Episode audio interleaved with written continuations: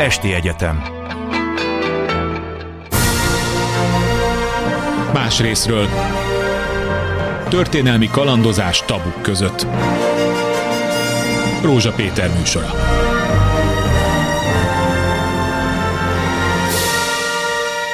1962 nyarán Raúl Castro, Fidel Castro testvére Moszkvába utazott, ami az akkori amerikai vezetést meglepte, mert nem tudtak erről az utazásról, tehát feltételezték, hogy ennek valami különleges oka van, de egy ideig nem gondoltak semmi rosszra, míg nem az tűnt fel az amerikai felderítésnek, hogy Fidel, illetve Raúl Castro látogatása, moszkvai látogatása, Khrushchevval történt megbeszélését követő napokban orosz felségjelzésű hajók tűnnek fel egészen közel Amerika partjaihoz, de mintha Kuba felé mentek volna.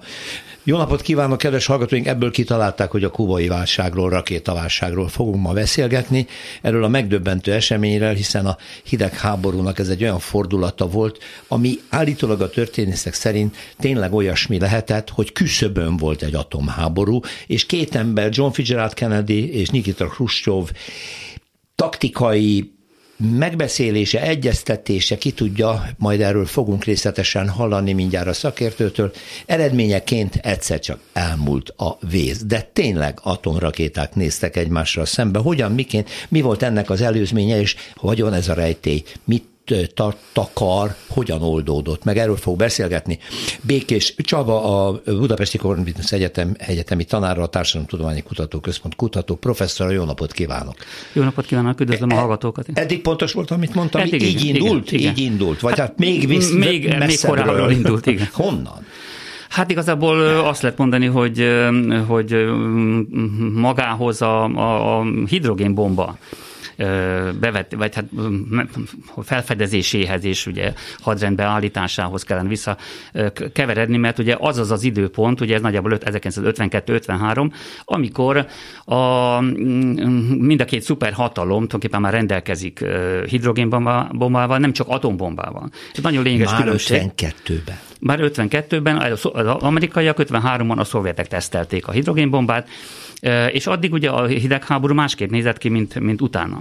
Tehát azt jelenti, hogy 1945-től, amikor már volt atombomba, ugye hát azt, hogy be is vetették Japánban, az amerikaiak 49-től a szovjeteknek is volt, de ez nem változtatta meg alapvetően a stratégiai gondolkodást egy lehetséges harmadik világháborúról. Ez azt jelentette, hogy úgy gondolták, hogy a hagyományos és a nukleáris fegyverek, tehát atomfegyvereknek az együttes alkalmazásával lényegében hatalmas áldozatok árán ugyan, de meg lehet nyerni egy harmadik világháborút. Uh-huh. Tehát ez volt az általános koncepció mind a két oldalon. A koncepció persze az volt, hogy majd a másik oldalon fogják kezdeni a háborút, mert ők a rossz fiúk, mi vagyunk a jó fiúk, de nekünk is ugye föl kell készülni, hogy válaszcsapást mérünk, és természetesen így végül legyőzzük az ellenséget, ami lehetséges is ebben a konstrukcióban. Tehát, bocsánat, hogy meghúzom a vonalat, még az atombombák idejében ezek szerint lehetségesnek tartotta mindkét fél, hogy legyőzni a másikat, így csak később alakul ki az a, hát tulajdonképpen konszenzus ügye, hogy nincs értelme bevetni, mert azonos erők állnak egymással szemben, de akkor még itt nem tartunk az 50-es évek elején.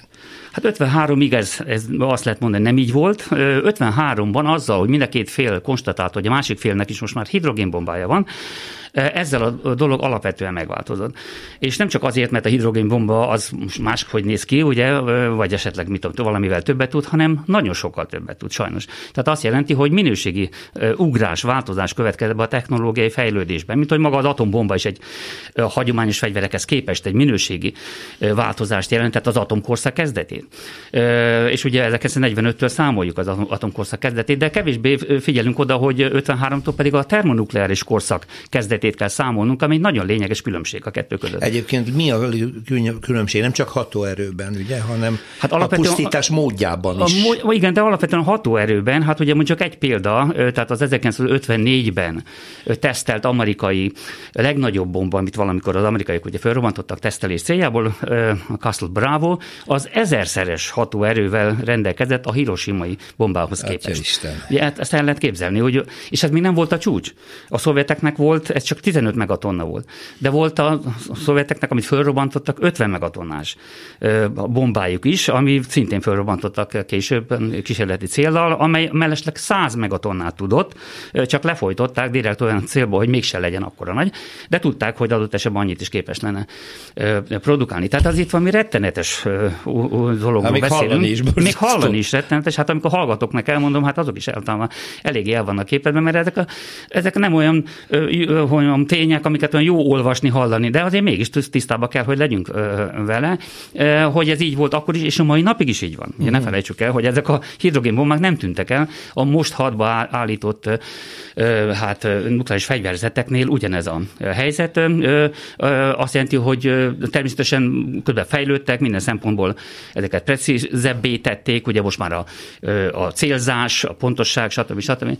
fontos szempontok lettek időközben, de, de ami most van, az is nagyjából a hidegháborús hát nukleáris fejlődésnek az eredménye, és egy nagyon fontos hát adat, amit szintén érdemes tudni hallgatóknak, itteni hallgatóknak, az egyetemi hallgatóknak is mindig elmondom, és hát ott is mindig meglepődnek, hogy a jelenlegi nukleáris kapacitás, tehát ütőerő, tehát nukleáris fegyvereknek a 93%-a az 50-50%-ban oszlik meg Oroszország és az USA között, az uh-huh. Egyesült Államok között. És csak 7% jut, ugye Anglia, Franciaország, Pakisztán, India, egyebek. Tehát... Akkor nem változott a helyzet, magyarul, a két szemben álló fél magyarul, azonos paritásban A vannak. paritás egyáltalán nem változott, és ugye ez a mai történetek megértéséhez nagymértékben hozzájárul, és ugye ezre kevesen gondolnak, mert kevesen beszélnek róla, mert amikor általában beszélünk mondjuk ugye a nukleáris fenyegetettségről, vagy akár konkrét esetben most így a oroszországi politika kapcsán, tehát konkrét, ha nem is nukleáris fenyegetés történt, el lényegében annak a felemlegetése, hogy kérem szépen ezek a fegyverek mire képesek, ez, ez, ez egy valós tényen alapul, tehát azt jelenti, hogy ők ebből a paritásos helyzetből kiindulva dobták most be ezt a, ezt a kártyát, és ugye mi korábban ezzel nem foglalkoztak, vagy nem használták a politikai argumentációban, retorikában sem annyira, most viszont elővették, mert ez volt a legerősebb kártyájuk igazából. Nem azért, mert használni akarják, nagyon valószínű, és nagyon reméljük, hogy most sincs másképp, mint a hidegháború idején, hogy nem akarták használni. Csak egymást fenyegették vele. És hát most is nagyjából erről van szó, de miután gazdasági szankciókkal szemben ugye mit lehet tenni? Túl sok minden orosz oldalon nincsen, viszont van atom. Tehát van ugye az a fajta nukleáris fegyverzet, ami, ahogy jeleztem, fele részben oszlik meg ugye az USA és a Oroszország között, tehát ennek egy ilyen, ilyen jelentősége. De visszatérve ugye erre a 53-as váltásra, ami a mi történetünk szempontjából igazán fontos és érdekes, az az, hogy innentől megváltozott a percepció, tehát a koncepció arról, hogy mi, miről is szólhat adott esetben, vagy miről nem egy harmadik világháború. Mert ugye a harmadik világháború most ö, természetesen ö, más a konnotációja, mint a hidegháború idején. A hidegháború idején lényegében ez egy állandó téma volt.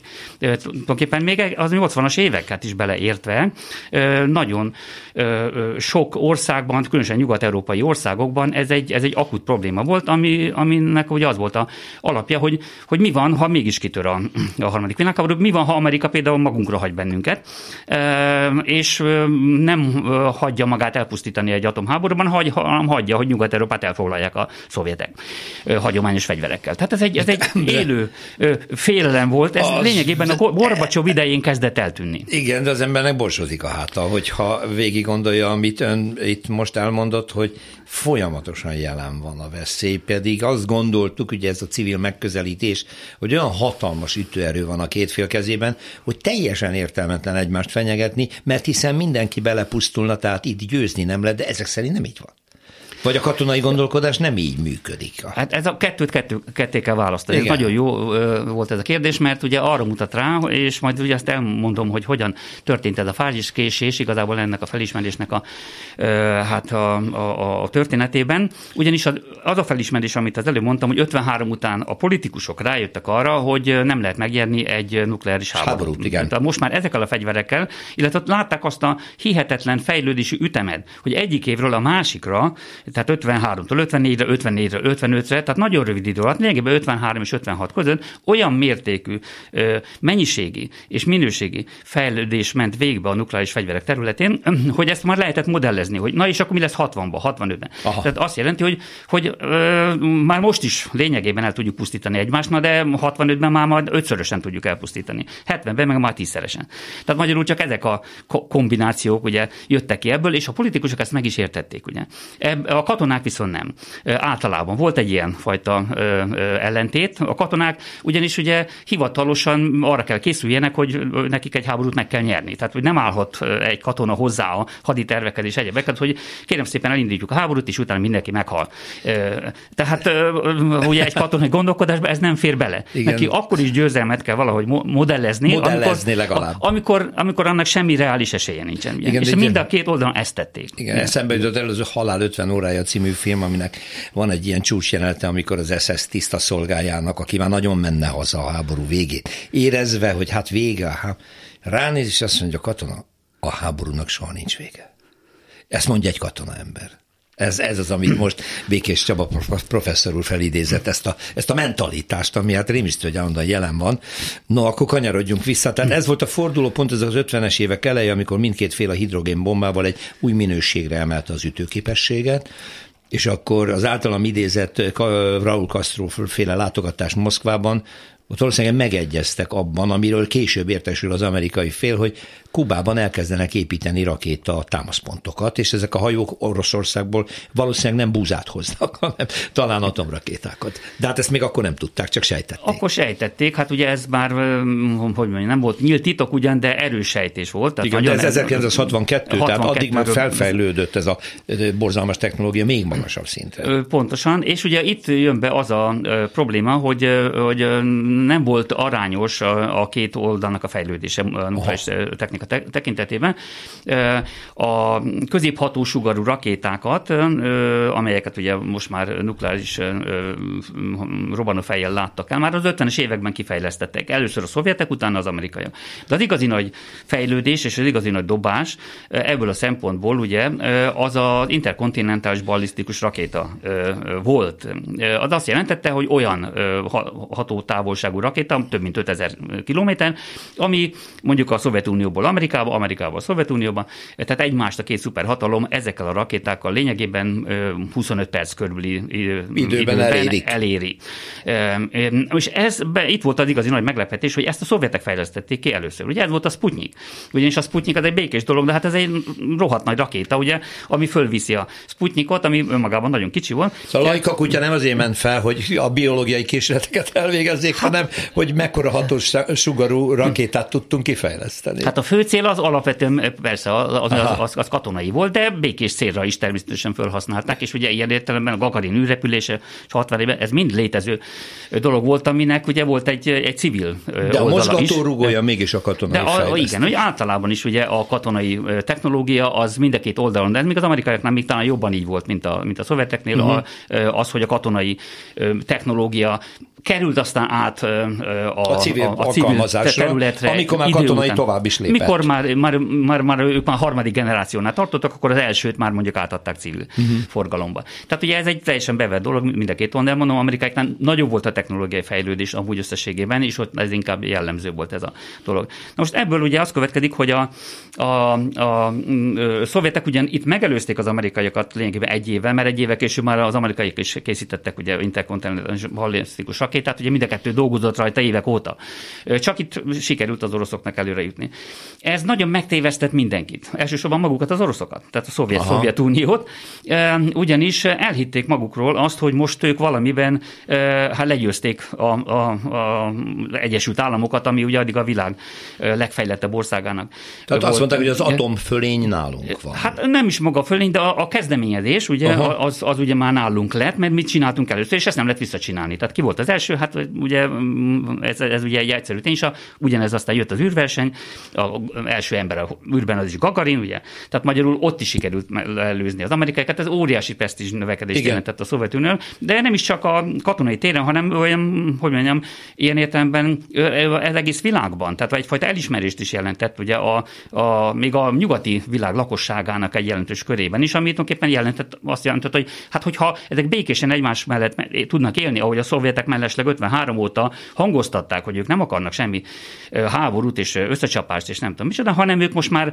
a békés történelmi versenyre rendezkedtek be, amelynek keretében majd persze a szovjet rendszer, a szovjet modell fog győzedelmeskedni, ki tudja, mikor azt nem mondjuk meg, de minden esetre nem a, hát, a, a katonai összeütközés lesz a célja igen, ennek a gyerekkoromat áthatja ebben az időben, 59-68-ig, addig mindenképpen, ez a magasabb rendűek vagyunk, hiszen a Szovjetunió csodálatos technikai fejlő, űrtechnika, ember az űrben, stb. Ez a verseny, hogy az oroszok mindent hamarabb meg tudnak csinálni, és hát ez a rendszernek ugye a legitimitását és hát a fejlettségét és a jövőbe vetett reményt erősítette. Mi ezt iskolába is megkaptuk, kvázi órán kívüli sugallatokkal és tanításokkal. Igen, ez teljesen így volt, és ezt maximálisan ki is használta a propagandában Igen. a Szovjetunió, meg a keleti blokk országa is ezt tették, ugye, és hát a probléma ezzel az volt, hogy ez egy csalóka illúzió volt tulajdonképpen, uh-huh. mert az elsőség az megvolt, azt nem lehetett visszavenni, de a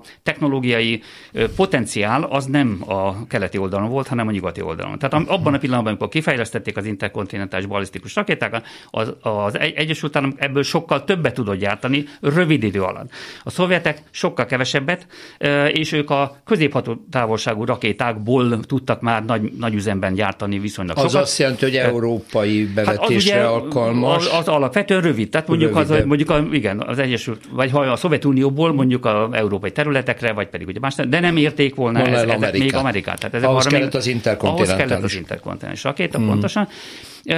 Ugyanis ugye óriási különbség volt a geopolitikai szituáció között. Ugye az Egyesült Államok az, az ugye védve volt ilyen szempontból a, a szovjetek vonatkozásában, mert ugye nem tudtak oda célba juttatni, vagy csak nagy nehézségek árán, ugye stratégiai bombázókkal, mi egymást, abban, még, abban az időben még ö, ö, nukleáris fegyvereket, míg a Szovjetuniót ugye körbe lehetett venni, ö, mind, hát a hatalmas területe volt, és olyan sérülékeny területe volt ebben az értelemben, hogy mint ahogy majd a mit esetleg nyilván szóba kerülő törökországi Jupiter rakéták, amik ugye itt fontos szerepet játszottak a kubai rakétaválságban, az ugye már nagyon közel, és ugyanúgy elég volt középható távolságú rakétákat oda telepíteni. Igen, onnan és, már elérték a volna a Szovjetuniót. Veszélyeztette a szovjet területét, igen. Tehát itt igazából a probléma az volt, hogy Khrushchev belement egy olyan hát hazárdjátékba, amely hát kezdettől fogva tudható volt, hogy rendkívül veszélyes. Ugyanis ő volt a, a, a rossz helyzetben. Tehát nem paritásos alapon, ugye az nem véletlenül emlékeztem a paritást, mert ugye ez, ez kialakult a 60-as évek végén, 69-től ez a paritás lényegében létrejött a nukleáris fegyverzet területén, ahol nagyjából mindenből egyforma mérté- mértékben voltak. Igen, de 62-ben még nem. De 62-ben nem, sőt olyan, olyan mértékben nem, hogy hát adban különféle számok vannak forgalomban, nem akarom itt a, a hallgatókat ezekkel untatni. Igazából az a lényeg, hogy nagyjából hete, hétszeres, hetes szeres volt az amerikai fölé. fölé. A nukleáris fegyverek darabszámát tekintve. Tehát, hogy különböző változatok vannak, hogy ilyen olyan, de különösen a, a interkontinentális balisztikus rakéták tekintetében a, a, a szovjeteknek nagyon kevés volt még relatíve, a szov, az amerikaiaknak ugye jóval több. Tehát, több volt tehát, már. Tehát minimum hár, megint csak különböző számok vannak, mert a szovjet számokat ugye nem lehetett tudni akkor se, és a mai napig se igazán hát lehet pontosan tudni, de ezek mindig becslések. Tehát minimum háromszoros volt csak az interkontinentális rakéták területén is az amerikai Amerika fölény. fölény? Uh-huh, uh-huh. Tehát, Tehát akkor Khrushchev tényleg itt egy 19-re 20 lapot. Igen, de pont ez volt a, lényege is a, a, ennek a vállalkozásnak, hogy Aha. miért vágott ebbe bele. Tehát, hogy még egyszer a hallgatónak mondom, hát a később kapcsolódott be, hogy itt a, a, a kubai rakétaválság című történelmi pillanatról beszélünk Békés Csaba professzor úrral, a, arról a pillanatról, amikor Zsustyovék elhatározzák, hogy Kubába, Amerika szájába telepítenek nukleáris rakétákat, nukleáris töltető rakétákat, és ezt egy titkos akcióval megpróbálták megszervezni. Az amerikai felderítés rájön arra, hogy valami készül Kubában, látják a, az U2-es gépekről készült fényképekről, sőt már talán már műholdas képek is voltak ekkor. Voltak, de azok nem tudtak működni. Azok, még, azok, azok még nem működtek. Ki, ki, próbálták, de nem, nem volt szerencséjük, mert rossz mhm. időjárás. Tehát akkor repülőgépekről felderítve. A, a az igen. Az... Látták, hogy itt bázisok épülnek, és közelednek az orosz hajók, Miért csinálja ezt Ruscsov? Ön már említette, hogy azért Amerika már addigra Törökországba rakétákat telepít, ami veszélyezteti a Szovjetunió biztonságát. Tehát gondolom, hogy védelmi lépésként azt mondja, akkor én előre tolok oda Kubába rakéta bázisokat. Igen, hát ez ugye azért volt lehetséges, mert 59-ben ott egy forradalom történt, ugye az addigi Igen. Amerika barát kormányt Megdöntik meg, meg, megdöntötték, ugye a forradalmárok, akik nem is voltak kommunisták még az elején igazából, hanem ilyen radikális, nacionalista felkelők, stb., de akik nagyon hamar rátaláltak erre a kommunista modellre, mert rájöttek, hogy ott, ott van egy nagy segítő a háttérben is, a Szovjetunióval, hogyha megfelelő kapcsolatokat építünk, akkor az nekünk nagyon kifizetődő anyagilag. És hát ugye Kubát végig az egész hidegháború idején hatalmas anyagi segítség segítséggel látta el a Szovjetunió. Igen. És még a keleti blokk országok is emellett. Ugye. Tehát lényegében, úgy veszük, bejött magának, ugye Kastrónak, illetve a kubai kommunista vezetésnek, viszont ez egy óriási lehetőséget teremtett a szovjetek számára. Ez egy előre tolt hitfőállás lett lényegében az amerikai kontinensen, egészen közel az, az amerikai partokhoz. De azért ez rendkívül kockázatos elképzelés, ha arra gondolok, hogy pont azért, mert nagyon közel volt még a kasztrói forradalom, tehát a kubai forradalom, még az amerikaiak csak nem mondtak le abban az időben arról, hogy újra katonai erővel, ha másképp nem megy, akkor lerohanják a kommunistákat, visszaveszik a sziget irányítását, csinálnak oda egy báb, kormányt, és akkor minden rendben. Tehát, hogy ennek a veszélye talán meg lehetett, úgyhogy ide indulni és rakétákat telepíteni, hát nem tudom. Igen. Hát ez a veszély abszolút meg volt olyannyira, hogy ugye a disznóöböli hát akció, ugye 61 ami befulladt. áprilisában, ugye az már ezt próbálta meg, megvalósítani nagyon amatőr és dilettáns eszközökkel, ugye. De a nem az... kubaiakkal próbálták az amerikai amerikaiak visszaszerezni az ellenőrzést a sziget fölött, és oda küldött szerencsétlen, nem tudom, hogy tízezer ember, vagy megölték őket, vagy elmenekültek. Igen, vagy pontosan, abszolút, igen, igen, igen. A kubaiak. De ez nem azt jelentette, hogy ugye ez, ezzel föladták volna az, az Egyesült vezetői azt, azt a reményt, hogy ugye a lényegben megszüntetik a kubai kommunista vezetést valami módon. Rögtön ezután a fiaskó után, rögtön a, a, a mongusz hadműveletben ugye rögtön mindenféle titkosszolgálati hát dolgokkal próbálkoztak, és ugye azoknak a hatására kellett volna, vagy magának Kastrónak, vagy a vezetésnek, vagy valakinek ugye, eltűnni, stb. stb. Tehát ez a veszély, ez abszolút ott volt. A szovjet reakció pont erre épített, hogy tulajdonképpen egyszerre két célt tűzött ki maga elé uh-huh. Egy minimális célt és egy maximális cél. A minimális cél az az volt, hogy akármit is csinálunk ezzel a rakétatelepítéssel, a végén ö, elérjük azt, hogy az amerikaiak ígérjék meg, hogy nem fogják megtámadni Kubát. Aha. Ezért cserébe akár még vissza is hozzuk a rakétákat, ami persze Tehát nem... ez benne volt a, a Benne volt. A, abszolút. Az, az nem jó, nyilván az lenne jó, ha ott maradhatnának, mert nekünk ugye az a jó, az majd a második cél lesz, mindjárt mondom, de már akkor is nyertünk, hogyha ezt az elsőt meg tudjuk valósítani. Ez volt a minimális cél. Lényegében ez meg is valósult. Mennyire számított Hruscsov ebben ebben arra, hogy állítólag ő kennedy John Fitzgerald kennedy nem tartotta egy markáns és határozott politikusnak, úgy gondolta, hogy nyomást tud gyakorolni rá.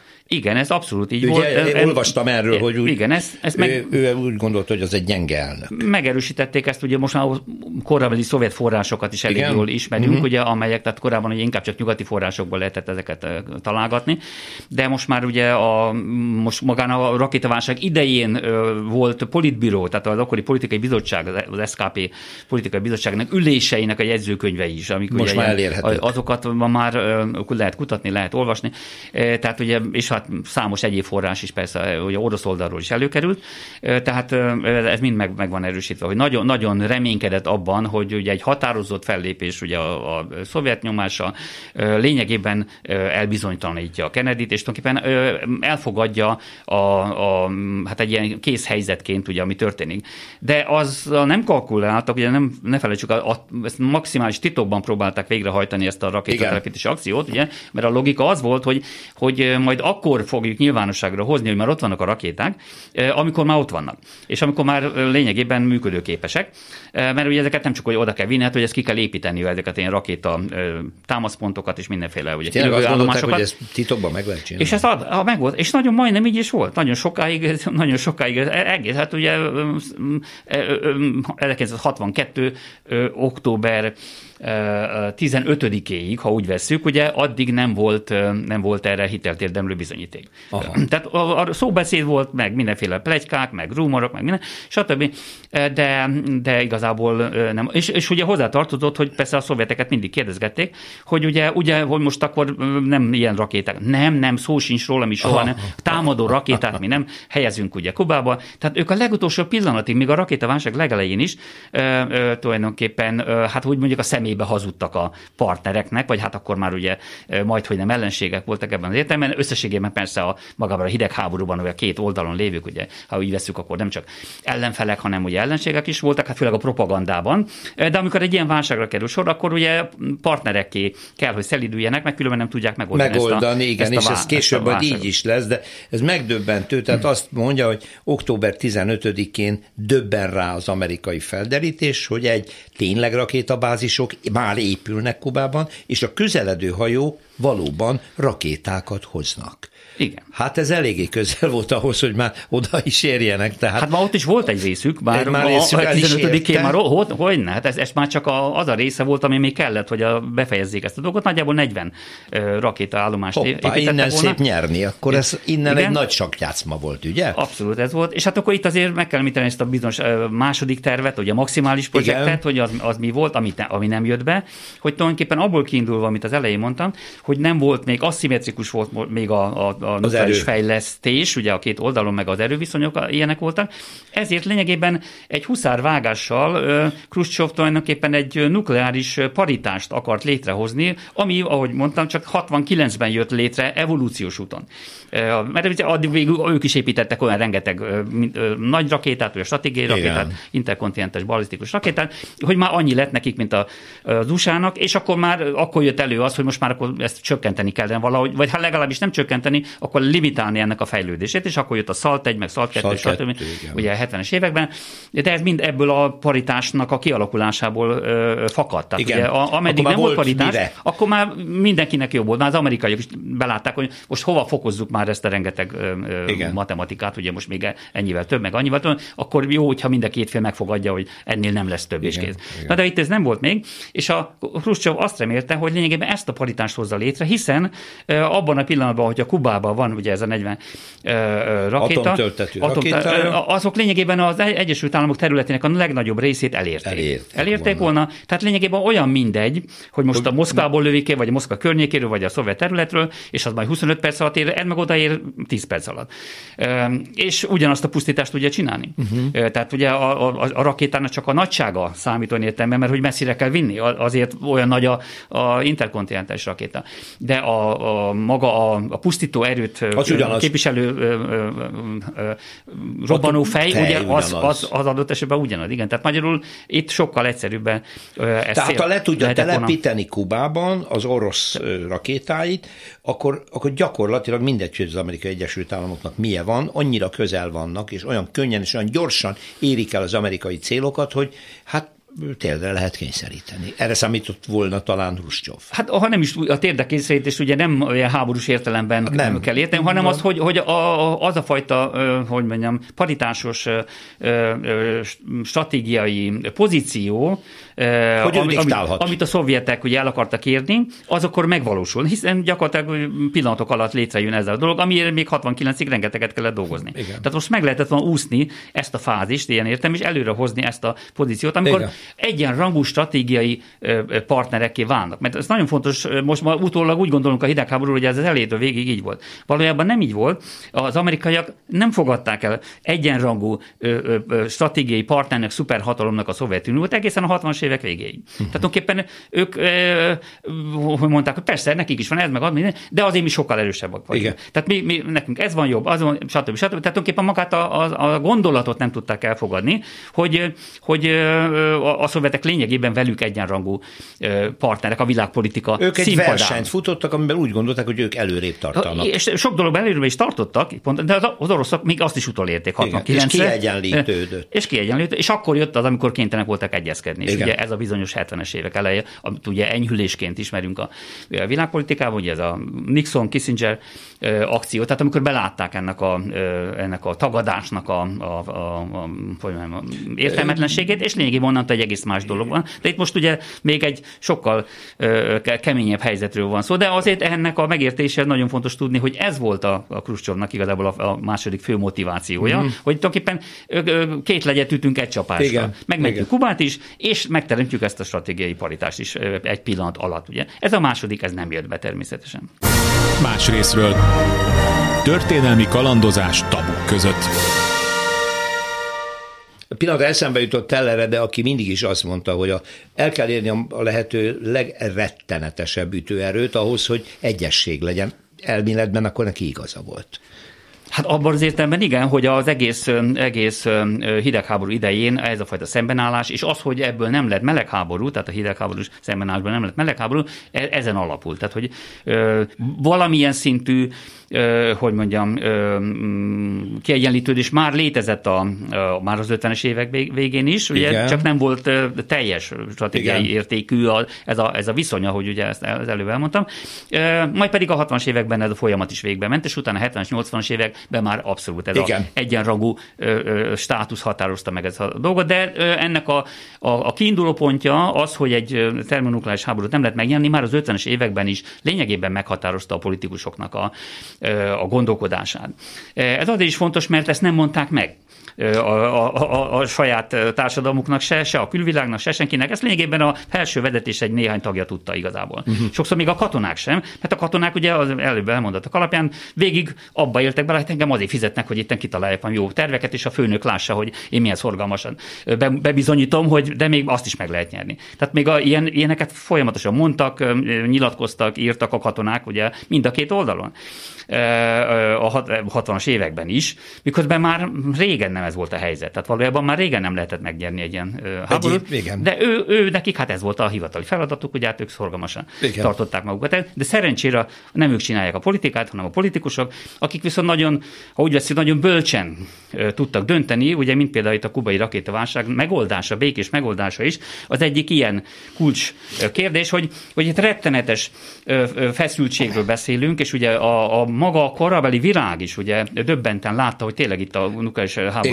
küszöbén vagyunk, de a résztvevő felső vezetők, ami mind a két oldalon csak néhány ember volt, ne felejtsük el, tehát az amerikaiaknál is ez a, a legtitkosabb, legfontosabb döntéseket kb. három-négy ember tudta. Ugye abból kettő Kennedy, Kennedy nevű volt. Ugye a, a Robert a Kennedy és, és az és öccse. A, és, az és, a, és a, igen, a, a Robert, aki ugye igazságügyminiszter volt.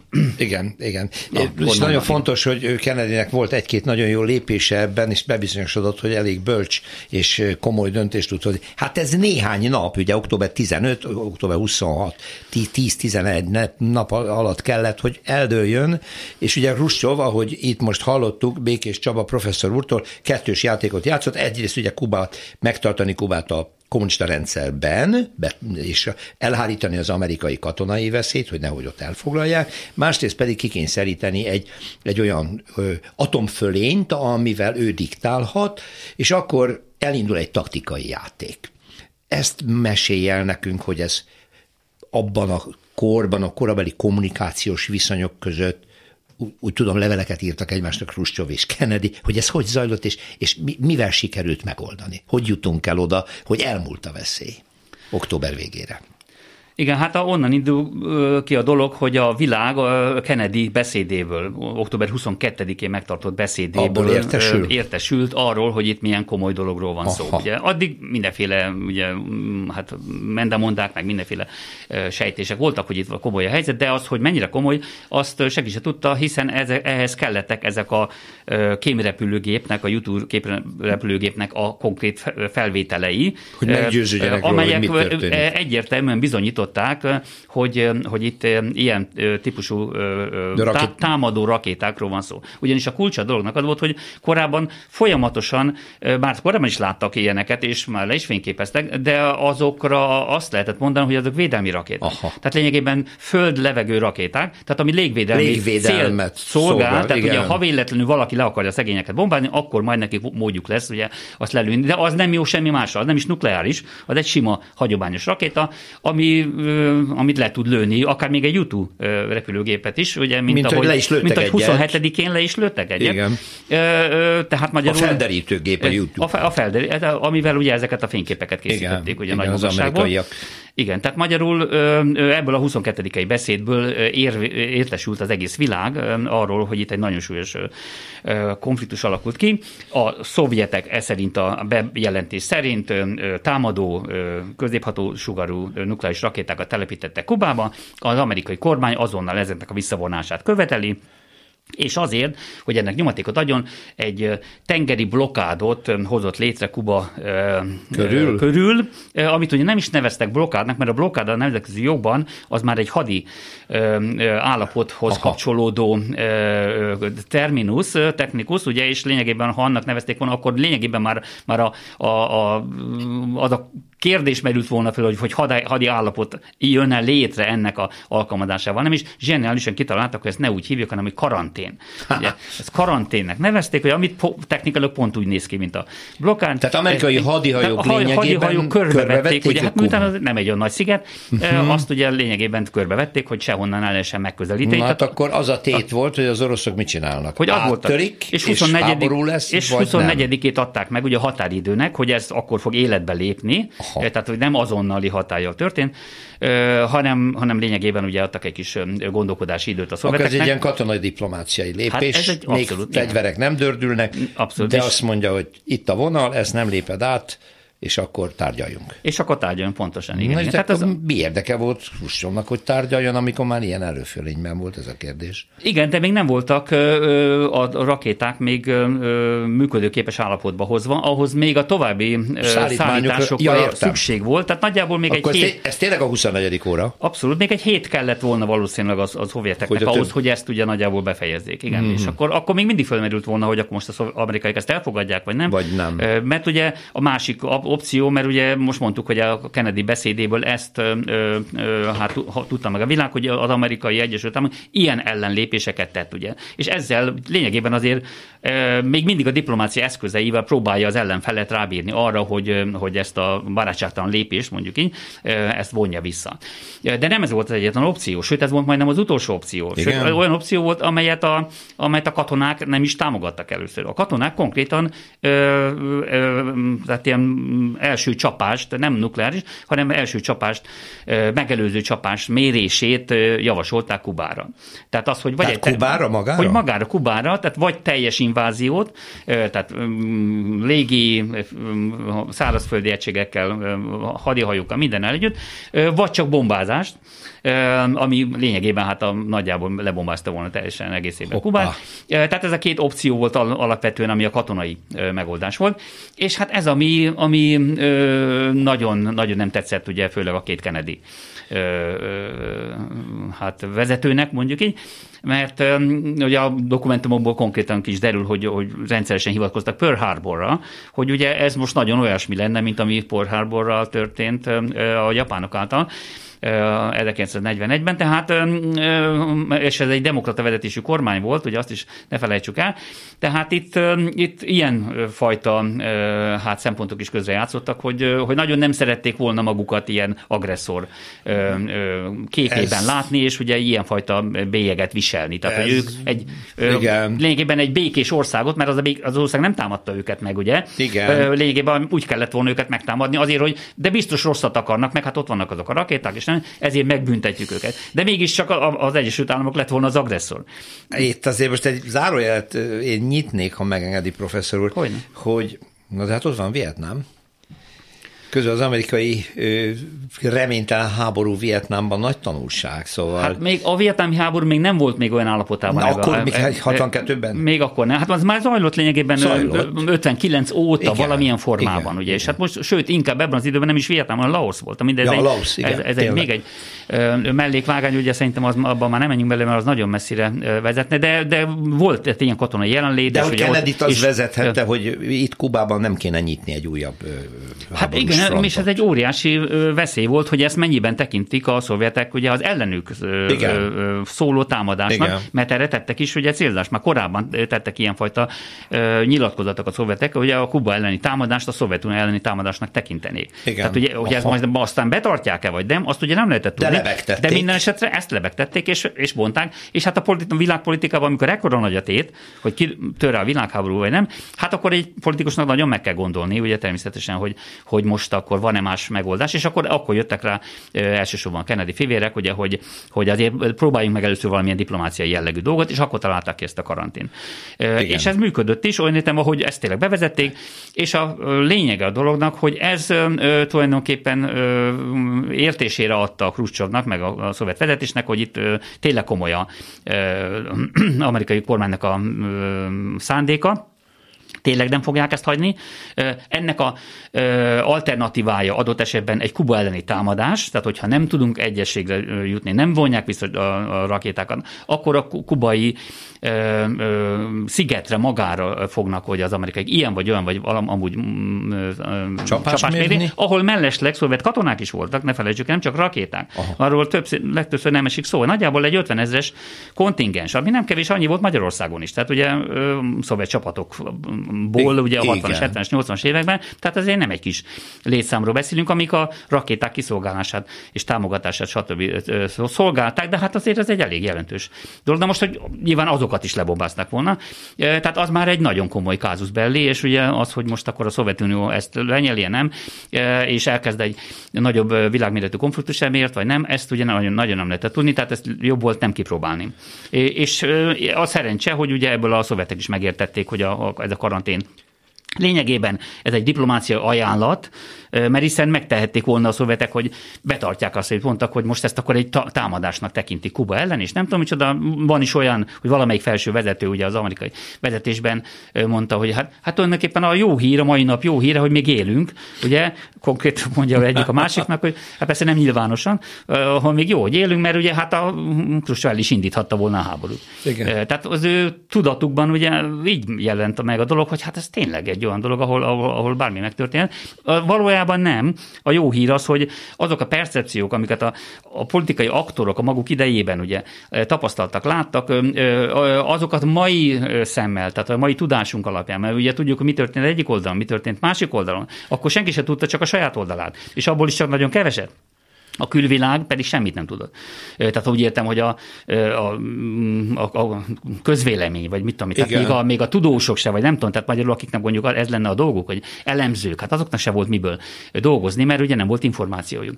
Tehát nagyon néhány emberen múlott ez az egész dolog mindkét oldalon, de azok szerencsére viszont tudták, hogy ez a tét nagyon nagy, és ennek megfelelően az elejétől fogva lényegében ezen dolgoztak, hogy ez megoldódjon, és a Kruscsov akkor jöttek ezek a bizonyos levelek, ugye.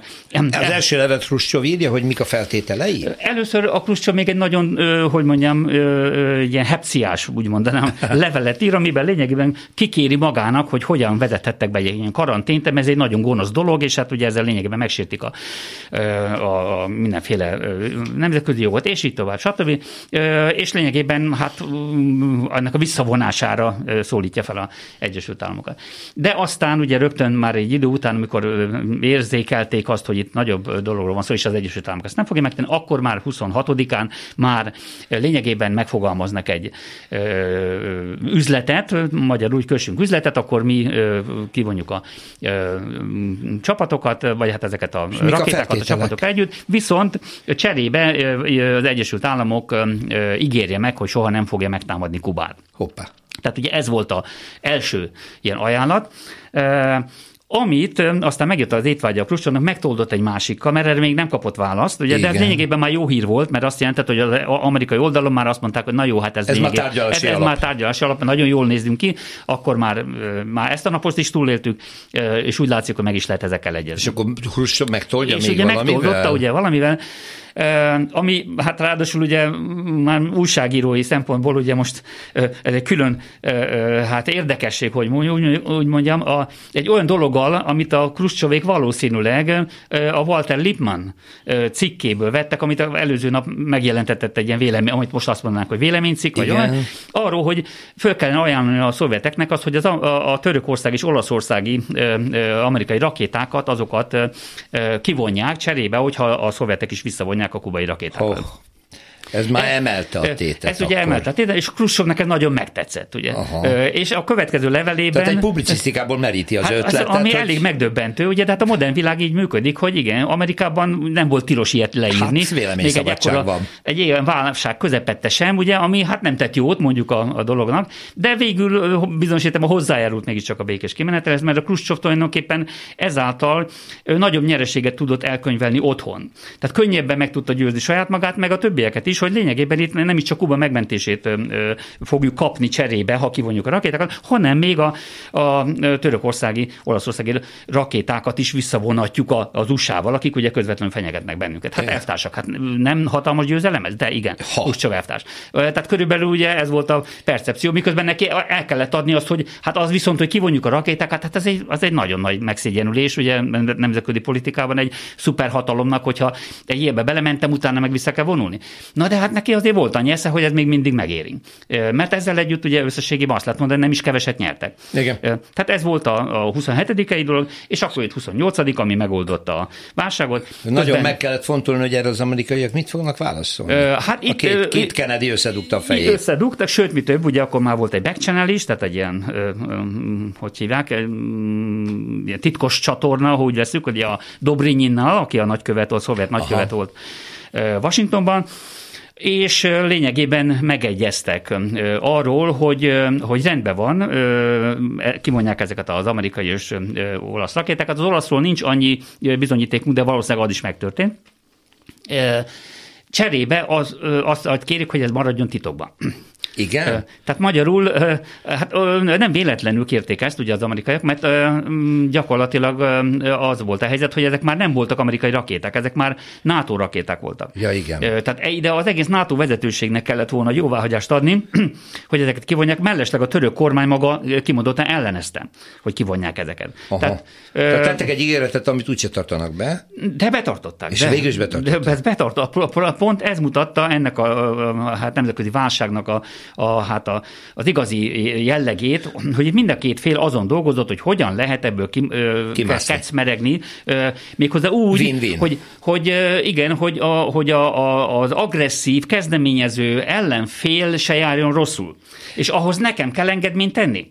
Pedig ő támadott meg engem, vagy hát ő uh-huh. próbált meg engem valamilyen uh-huh. módon sarokba szorítani, de most nekem az az érdekem, hogy őt valahogy segítsek kimász, kimászni, minél kisebb arcvesztéssel uh-huh. tudjon ebből kijönni pontosan. Tehát ez a nemzetközi politikában ez egy, ez egy kivételesen ö, híres ö, eset tulajdonképpen. Hát máskor is történnek ilyenek természetesen, mert a nemzetközi politika azért az nagyon sokszor így működik, tehát ugye érdekek alapján is, és a kompromisszum az nem tud úgy létrejönni, hogy az egyik mindent vissza, a másik meg semmit, ugye? Tehát itt is ez történt. De az volt az ára, hogy ennek titokba kellett maradni, és a szovjetek se hozhatták ezt nyilvánosságra. Tehát ugye sajátos volt a dolog, hogy a szovjetek csak otthon azt tudták elkövetni a közvéleménynek, hogy elvtársak, ugye muszáj Megvédtük viszont Megvédtük Kubát. Kubát, ugye megvédtük a békét is, mert Vét. olyan rendesek voltunk, hogy odavittük a rakétákat. Na de kérem szépen, mi vissza is hozzuk, mert a béke nekünk mindennél fontosabb. Aha. Ugye? Ez, hát ez, ez egy jó kommunikációs Ez nagyon jó, játék. az emberek szeretik a békét, ugye nagyon jó, hát Khrushchev ilyen rendes volt, még ezt is megtette a békéért. De az amerikai rakétákról, a Jupiterekről, ugye Törökországban nem beszéltek, mert nem lehetett beszélni. De ez megtörtént 63 áprilisában, ezeket tényleg ugyan kivonták, ahogy ígérték. Szóval miért bízhattak a kenetiek abban, hogy Ruscsov nem fog beszélni a titkos egyességről, hogy még nagyobb győzelmet mutasson, hogy én kivonattam Törökországból az amerikai rakétákat? Igen. Mivel fogta meg?